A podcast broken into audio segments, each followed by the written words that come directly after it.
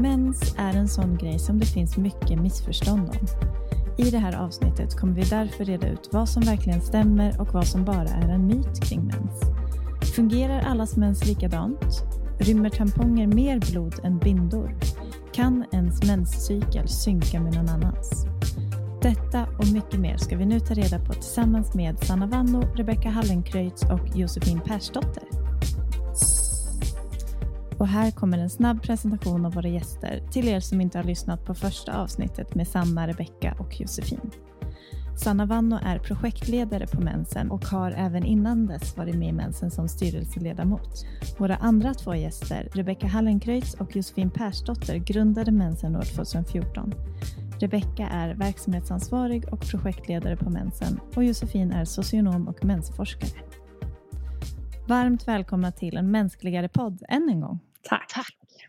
Tack så mycket. Kul att vara här och snacka myter. Ja, får ni många frågor om, om mens? Ja, massor. Mm. Um, speciellt, alltså det är alltid när man berättar att man jobbar på en organisation eller jobbar med mens liksom, så är det ju väldigt många som har saker att berätta om här, sin egen mens eller hur de pratade om mens när de gick i skolan eller ja, massa, massa grejer och väldigt mycket frågor. Man är lite som en mensjour, eller jag tänker att det är som ens kompisar som är läkare som alltid får mm. massa mm. frågor som de inte är intresserade av att få. Som man mm. själv kan få så här. Hej, hur funkar en menskopp? Jag satte in en från kompisar eller när man träffar folk som bara har alla möjliga frågor. Ja. Och sen så pratar vi ju mycket med barn och unga också eh, och där är det ju också supermycket frågor. Så mm. mm. mycket oklarheter kring mens generellt. Tyvärr. Är det många frågor som ni direkt kan se att det här är myter som svävar runt?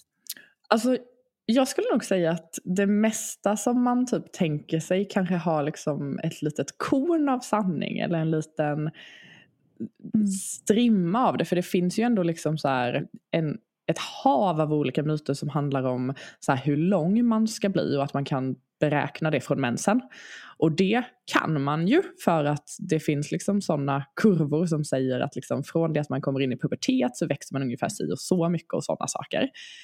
Men det är liksom så här, vissa är så här, jag har hört att man slutar växa helt när man får sin första mens. Eller jag har hört att man växer fem centimeter när man fått sin första mens. Eller jag har hört och så vidare. Så det finns liksom så här, det finns ju någonting bakom allt det där. Eh, men väldigt många har fått det bakom, bak, om bakfoten på olika sätt. Liksom. Vi hade ju sju, sju centimeter var det i mitt gäng i Uppsala. Det var den allmänna sanningen. Ja. Det visade sig inte stämma för någon. I mitt gäng var det ingenting. Man slutade växa helt när man fick sin mens. Om jag hade vetat det hade det sparat mig mycket ångest som ung för att jag var livrädd för att jag skulle bli superkort. Och sen så växte jag ganska mycket efter att jag fick mens så att jag hade inte behövt ha den här ångesten med sju centimeter till bara. Jag har samlat in några frågor på sociala medier som jag tänkte börja och ställa. Den första frågan är Kan ens väninnor, sambos, familj synka sina menscyklar? Det vill säga att mensen plötsligt sker samtidigt. Eh, den här är en, en, av de vanligaste myterna skulle jag säga mm. som ju inte är sann. Mm. Tyvärr. Det hade varit så himla ballt om det hade funkat men det, det finns inte någon någon aktuell forskning som visar att det är så. Sen så kan man ju såklart synka vid något tillfälle eh, för att menscykel brukar inte vara exakt samma antal dagar och minuter varje gång och då om man umgås mycket med någon så kommer det nog hända förr eller senare att man får mens ungefär samtidigt. Och då om mm. man har det i bakhuvudet att ja, men just det, man kan ju synka menscyklar, då har vi börjat göra det och då är man nog benägen att tro att det kommer fortsätta vara så. Sen kanske man inte kollar upp det om ett halvår och då kan det ju lika gärna vara så att den inte alls synkar längre. Mm. Ja. Så ser liksom kunskapsläget ut mm. just nu rörande det här. Det kan ju ja. hända att man inte har gjort en tillräckligt robust studie över det. Men det som finns säger att, den här myt, att det här är en myt. Mm. Mm. Men trots detta är det ju väldigt många som uppger att de har eh, upplevt synkningar. Liksom. Men det kan ju vara både att man ja, men att man är lite mer prone till att se när den synkar än när den inte synkar kanske. Eh, men också som Josefin säger att vi kan ju hitta andra saker senare. Men, eh, men just nu, myt. For now. Så vi, vi kör den här igen om några år. det är någonting som jag har trott på väldigt länge. Att det stämmer. Liksom, att man eh, så fort man har fått mens då, samtidigt som en kompis så tänker man ja just det nu, nu synkar vi. Liksom.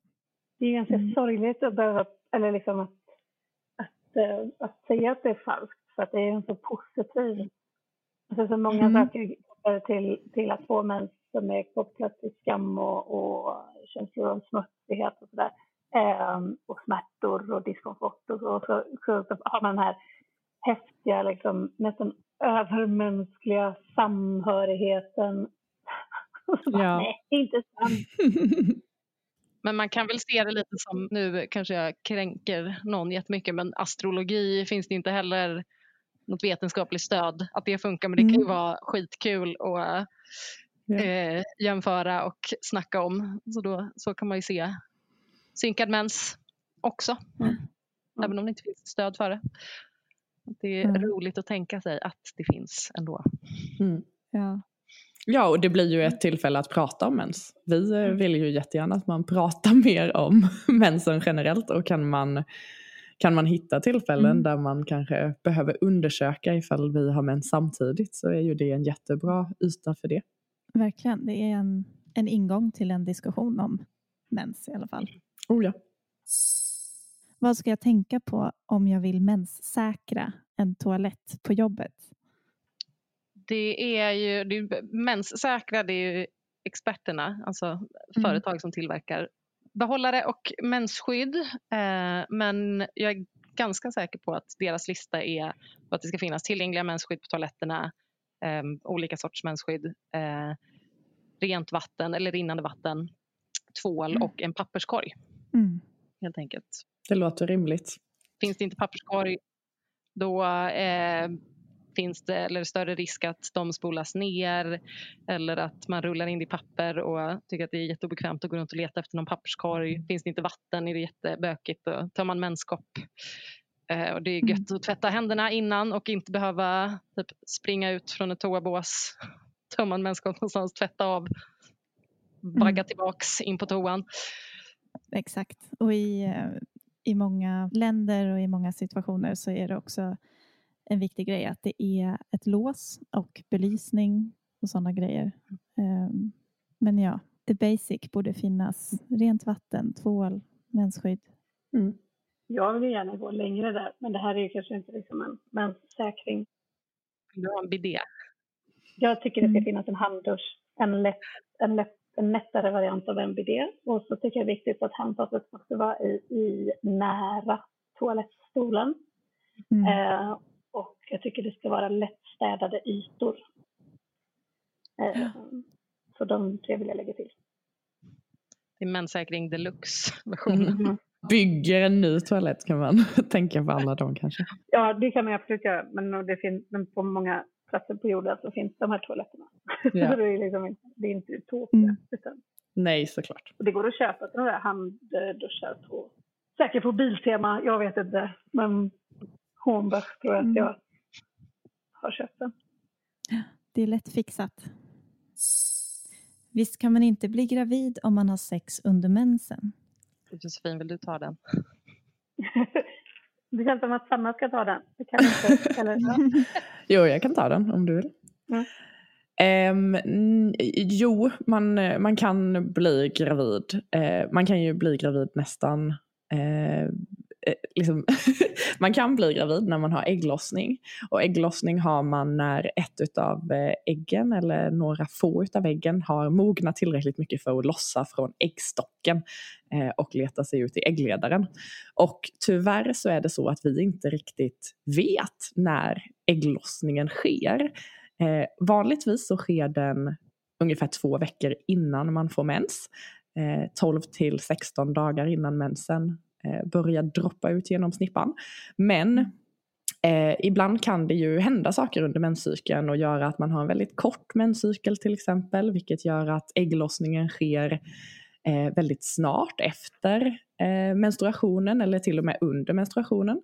Och ifall man har sex så kan också spermier leva i livmodern i upp till fem dagar vilket kan göra att de kanske lever i livmodern eh, från det att man har sex under mensen och sen så kan de befrukta det nylossade ägget fem dagar senare till exempel. Eh, mm. Så därför finns det det är svårt att prata om liksom säkra perioder ifall man inte liksom gör mer rigorös eh, undersökning kring hur liksom så här, sekret ser ut och hur ens basaltemperatur, det vill säga temperaturen när man vaknar på morgonen och sånt där. Så eh, generellt eh, finns det inga garantier för att man inte blir gravid ifall man har sex när man har mens. Men oftast blir mm. man inte det. mm. Men, och här till kan läggas också att eh, om man har en väldigt lång blödningsperiod så är risken större då för att, man, eh, för att den liksom närmar sig eh, ägglossningen. Mm. Och om man har en kort, eh, alltså om man vet med sig att man har en kort menstruationscykel, eh, alltså som är kortare än den här liksom, idén om den normala som är på 28 mm. då mm. i teorin, eh, så, ja, så infaller den ju också tätare in på menstruationsblödningar. Men även om man bara har en fem dagars mens, låt säga, mm. eh, så är det ju bara omkring, alltså mellan fem och sju dagar till ägglossningen. Eh, ifall man mm. har en 28 dagars cykel. Så, så, så rent matematiskt är det verkligen inte omöjligt. Rymmer tamponger mer blod än bindor? Det är en ganska svår fråga skulle jag säga. För det beror ju på vilken binda och vilken tampong. Mm. En minitampong eh, rymmer förmodligen mindre mens än vad till exempel en stor eh, nattbinda gör till exempel. Medan en maxitampong rymmer mycket mer än en liten lätt binda. Så det beror på. Mm. Man kan Som... också ha både tampong och binda. Mm. Om man vill vara safe under ett heavy flow. Sen så håller det ju på och liksom, det finns ju så här droppar och sånt på mensskydd för att man ska kunna liksom veta lite hur mycket de har kapacitet att ta hand om. Eh, och har man liksom en tampong som har två droppar på sig och en binda som har två droppar på sig så kan man nog tänka sig att de håller ungefär lika mycket skulle jag tro. Men det finns mm. inget standardiserat mått för hur mycket en droppe betyder. Eh, utan det är lite, lite godtyckligt tyvärr. Men det kanske kommer ett sånt standardiserat mått i framtiden. Så, eh, mm. så den myten är väl nej då. Mm. Tamponger rymmer Precis. inte mer blod än bindor. Nej, och det beror på. Ja. Som så mycket annat. Stämmer det att kvinnor har mer sexlust före ägglossning? Nej, så verkar det inte vara. Eh, de större studierna som har gjorts om det pekar på att det inte verkar vara så. Utan att eh, eh ja, vissa upplever att det är så, men det är inte, det blir ingen signifikans liksom, i, de, eh, i de studierna. Nej men att det, det beror på. Sexlust är så himla mm. fluktuerande så att det är svårt att säga att så här är det för alla. Men där känns det också som att det är väldigt vanligt att man upplever sig liksom runt ägglossningen så upplever man sig både liksom lite piggare och lite mer glad och kanske känner sig lite snyggare och sådana saker. Och det mm. kan ju också, även om det inte är så att ägglossningen gör att man får högre sexlust så kan ju att jag känner mig snygg eller att jag känner mig pigg göra att jag i högre grad vill ha sex till exempel. Um, men precis som Becka säger så finns det ju jättemycket saker som påverkar oss. Det är ju inte bara så att hormonerna eller vår cykel är det enda som beror på hur vi mår utan även hur vi har mm. sovit, ifall vi är pollenallergiker, ifall mm. vi eh, har någon att ligga med, ifall vi allt möjligt. Ja. Det känns också som en väldigt eh, vanlig eh, myt. Eller en vanlig fråga man har. Att det är en bild av just när ägglossningen ska komma. Att eh, man hormonellt blir mer kär eller vill ha sex då. Men så behöver det absolut inte vara heller.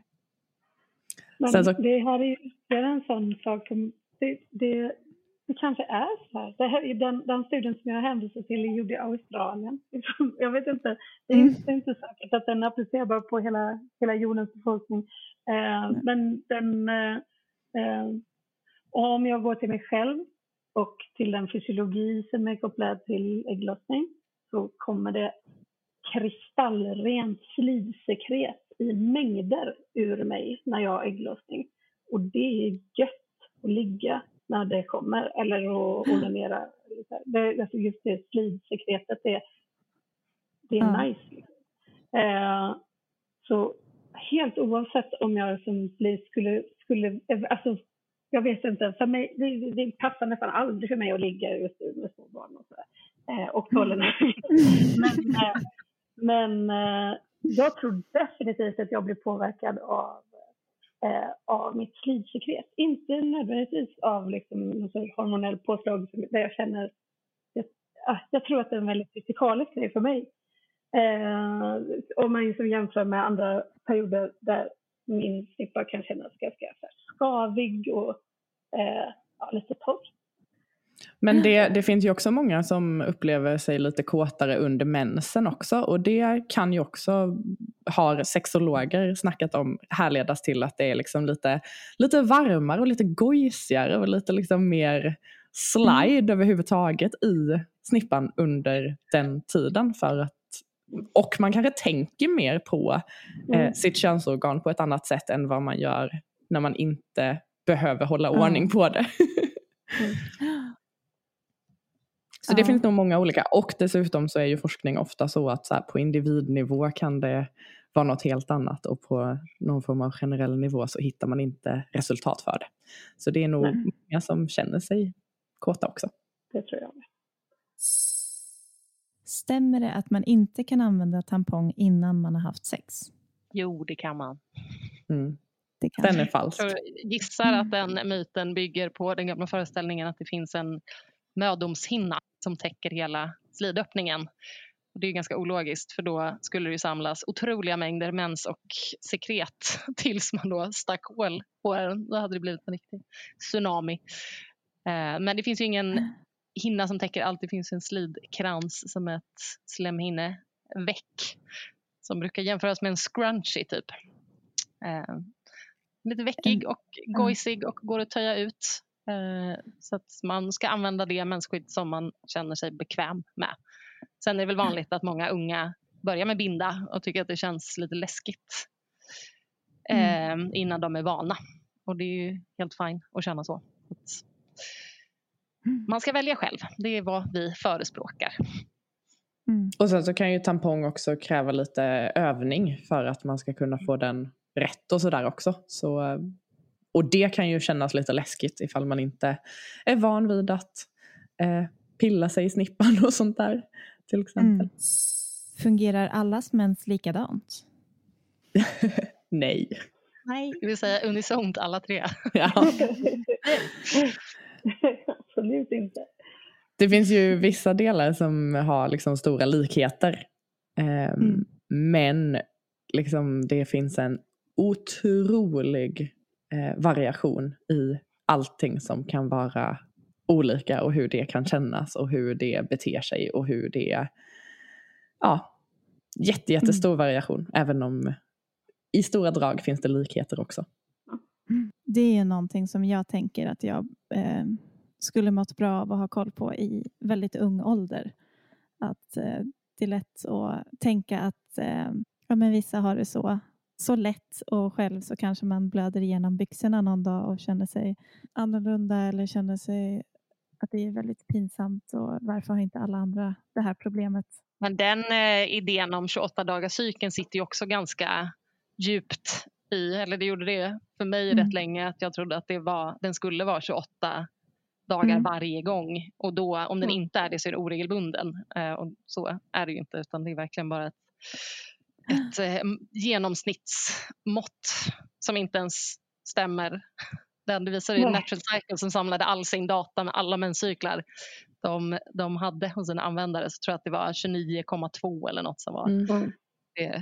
Eh, jo men den här idén om 28 dagars cykeln den kommer från eh, hur kartan ser ut på en eh, p-piller, alltså på en p-pillerkarta. Och då är det fyra gånger sju. Ja, för att det mm. liksom var en snygg mattemodell. Så, så, och, och det är ett ty tydligt exempel på hur eh, medicinsk teknologi liksom konstruerar idéer om vad som är normal eh, mm. kroppserfarenhet eller normal hälsa.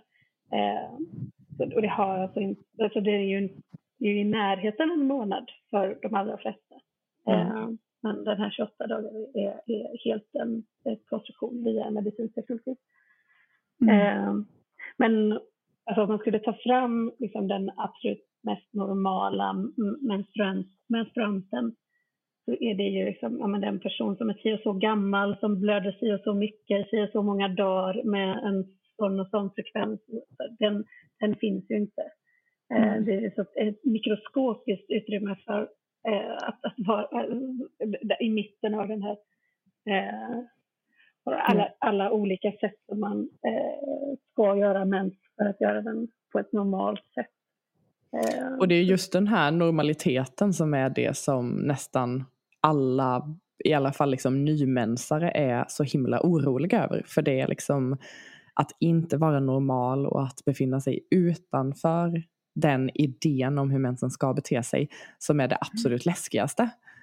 Eh, mm. och då krävs det tyvärr, eftersom att vi har mycket idéer som säger att mensen ska bete sig på si och så och si och så, fast ingen egentligen gör det kanske, så är det väldigt lätt att misstänka att man är onormal och det skapar ganska stor oro och rädsla över att någonting är fel eller knasigt inne i kroppen och att man behöver hjälp med det kanske.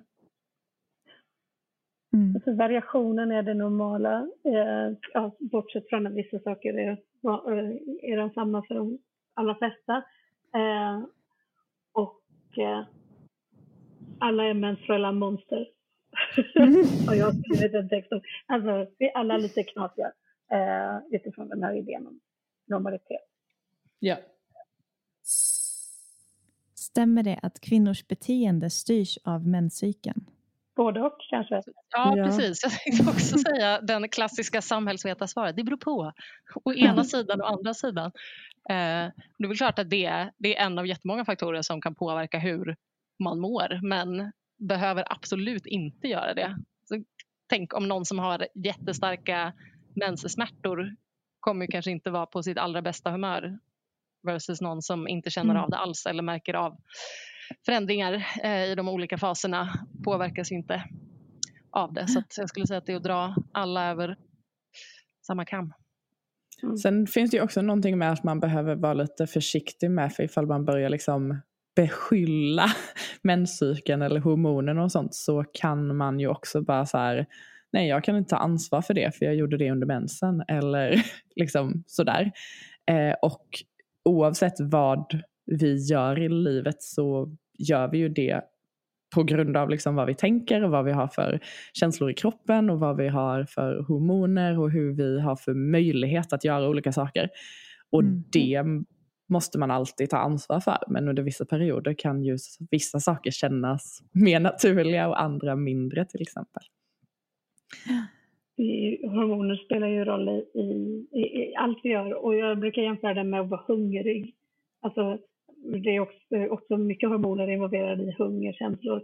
Att när man är hungrig kan alltså man, kan man kan bli väldigt arg eller man kan, eh, man kan bli orolig eller känna sig som världens sämsta person. Eh, det är ju någonting man behöver hantera men det är ingen som det görs inte jättemånga jättetaskiga skämt i, i lågstadiet om att folk är hungriga.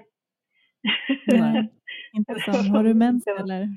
Ja. Eller har du pollenallergi eller? För då är man inte heller sitt bästa jag. Nej, nej, men det påverkar sig. Ehm, men jag, mm. jag, jag vet inte hur jag ska formulera mig. Jag har en viktig sak att säga här. för min sambo, vi har ändå varit uppe jättelänge nu. Eh, eh, han, han trodde liksom för några år sedan att jag som mensaktivist liksom per automatik sa att PMS inte fanns. Mm. Och, och mm.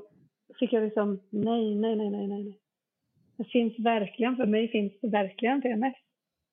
Mm. Det, är, det är också bland annat socialt konstruerat, men det finns verkligen.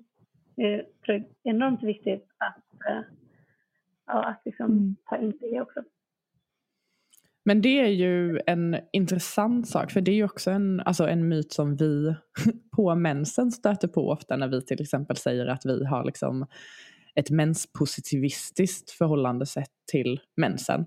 Då liksom mm. tänker man sig att så ah, okej, okay, så alla som är med i mensen måste liksom älska sin mens och eh, mm. ha jättepositiva känslor till den. Men det är inte det mm. det handlar om, utan det handlar om liksom någon form av så främjande och friskhetsperspektiv. Men sen ifall du mår dåligt eller tycker att mensen är jättejobbig eller liksom önskar att du inte har mens, det är också helt okej. Okay. Det är bara att vi ska kunna liksom leva ett gott liv med en menscykel inom oss oavsett ifall den är toppen eller inte. Mm. Och kunna prata om problem som uppstår i relation till den eh, mm. och att identifiera problem och hitta bra lösningar på de problemen. Och sånt. Det, det är oerhört viktigt. Men mm. det handlar inte om att man ska tycka att, liksom, ja, att, det är, att allt är rosa skimmer, eller rött skimmer får det kanske vara. Kan tamponger ta sönder mödomshinnan? Det blir ju ett nej då eftersom det inte finns mödomshinna. Mm. Men sen så finns det den här slidkransen kan ju vara, den kan ju få små som små minisår och blöda lite. Eh, så det är därför det är en dum idé att ha tampong om man inte har mens. Eh, för att då är det mycket torrare.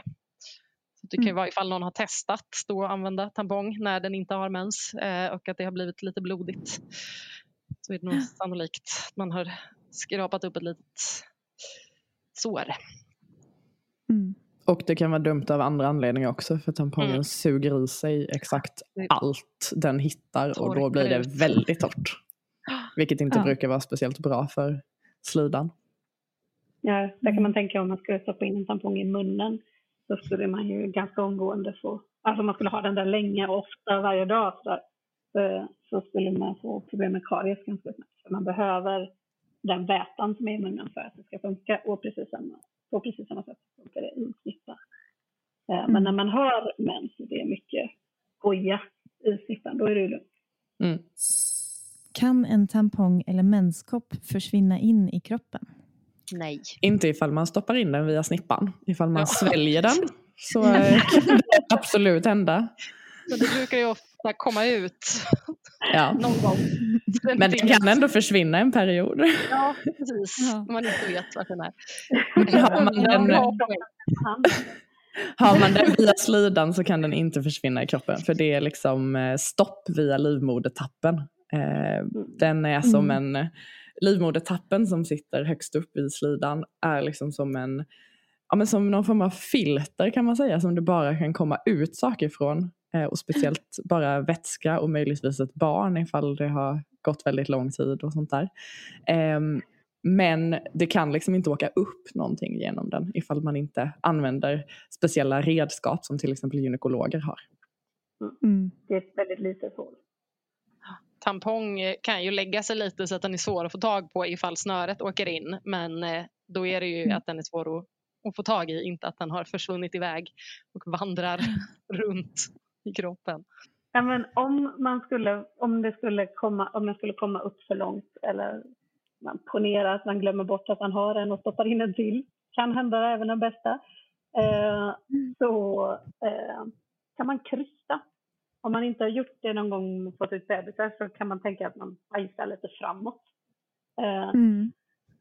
Och om man, ja, det kan man använda också när man ska få ut sin menskopp, att man liksom pushar.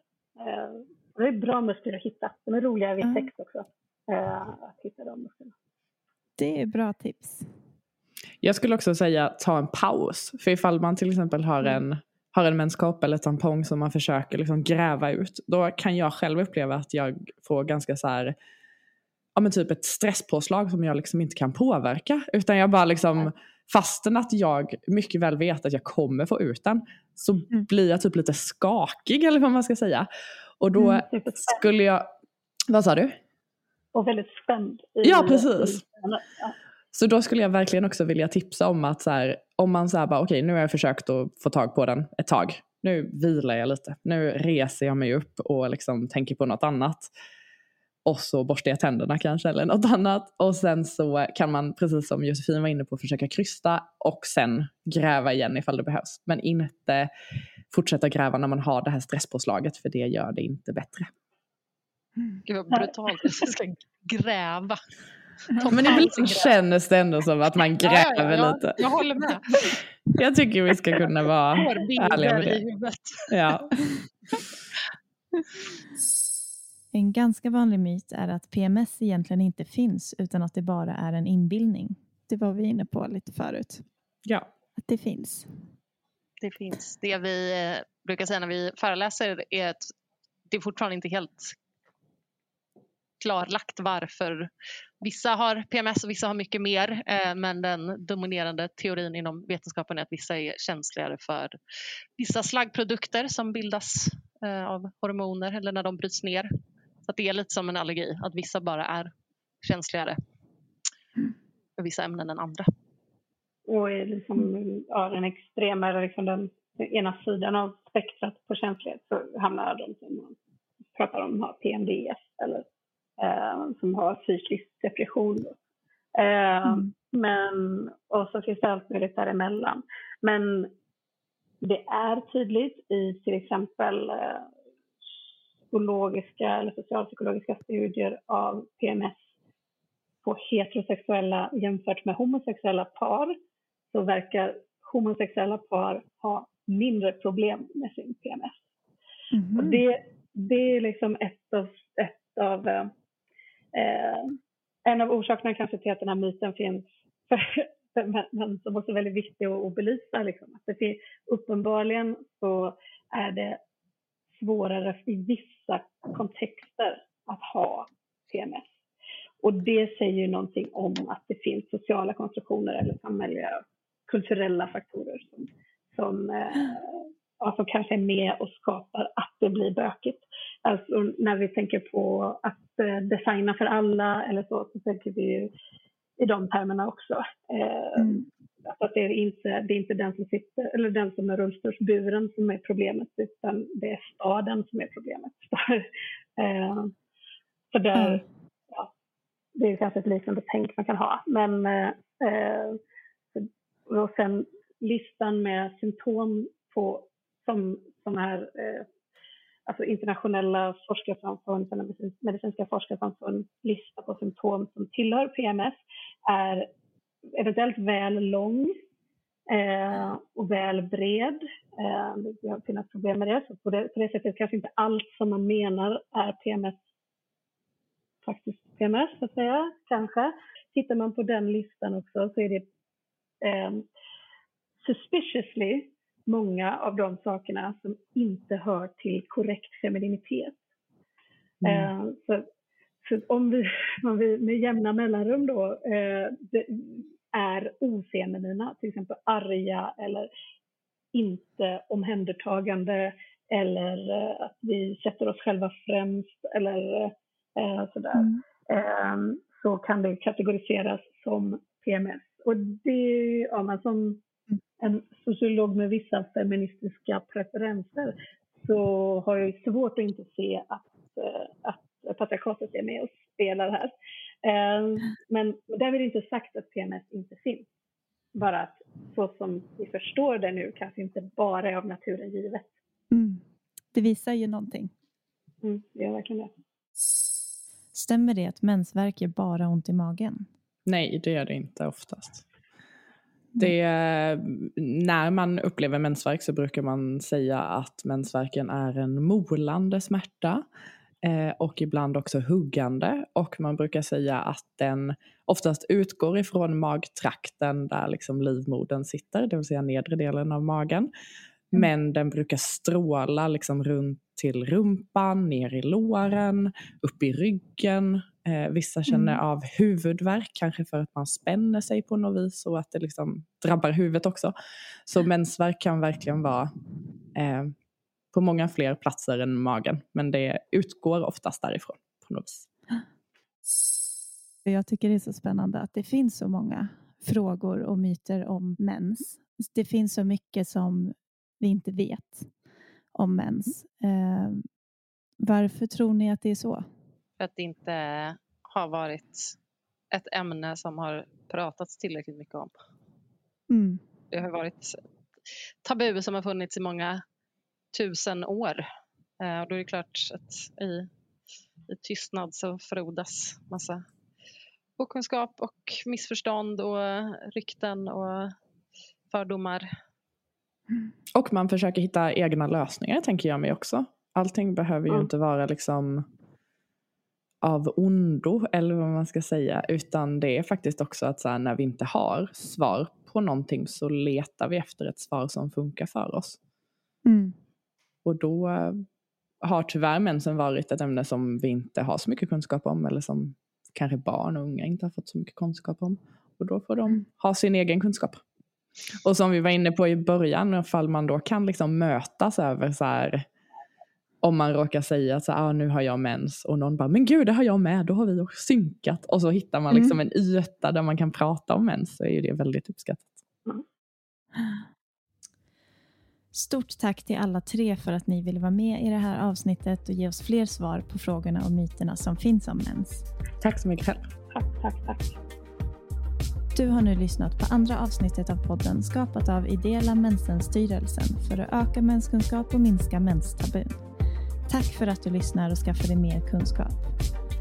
Om ni har fler frågor kring mens som vi ännu inte har tagit upp så kontakta oss gärna på sociala medier eller på vår hemsida www.mensen.se. Dela gärna det här avsnittet med andra och lyssna på våra kommande avsnitt där vi i nästa avsnitt kommer att prata om den kroniska inflammatoriska östrogenberoende sjukdomen endometrios. Missa inte det och stort tack för att ni har lyssnat.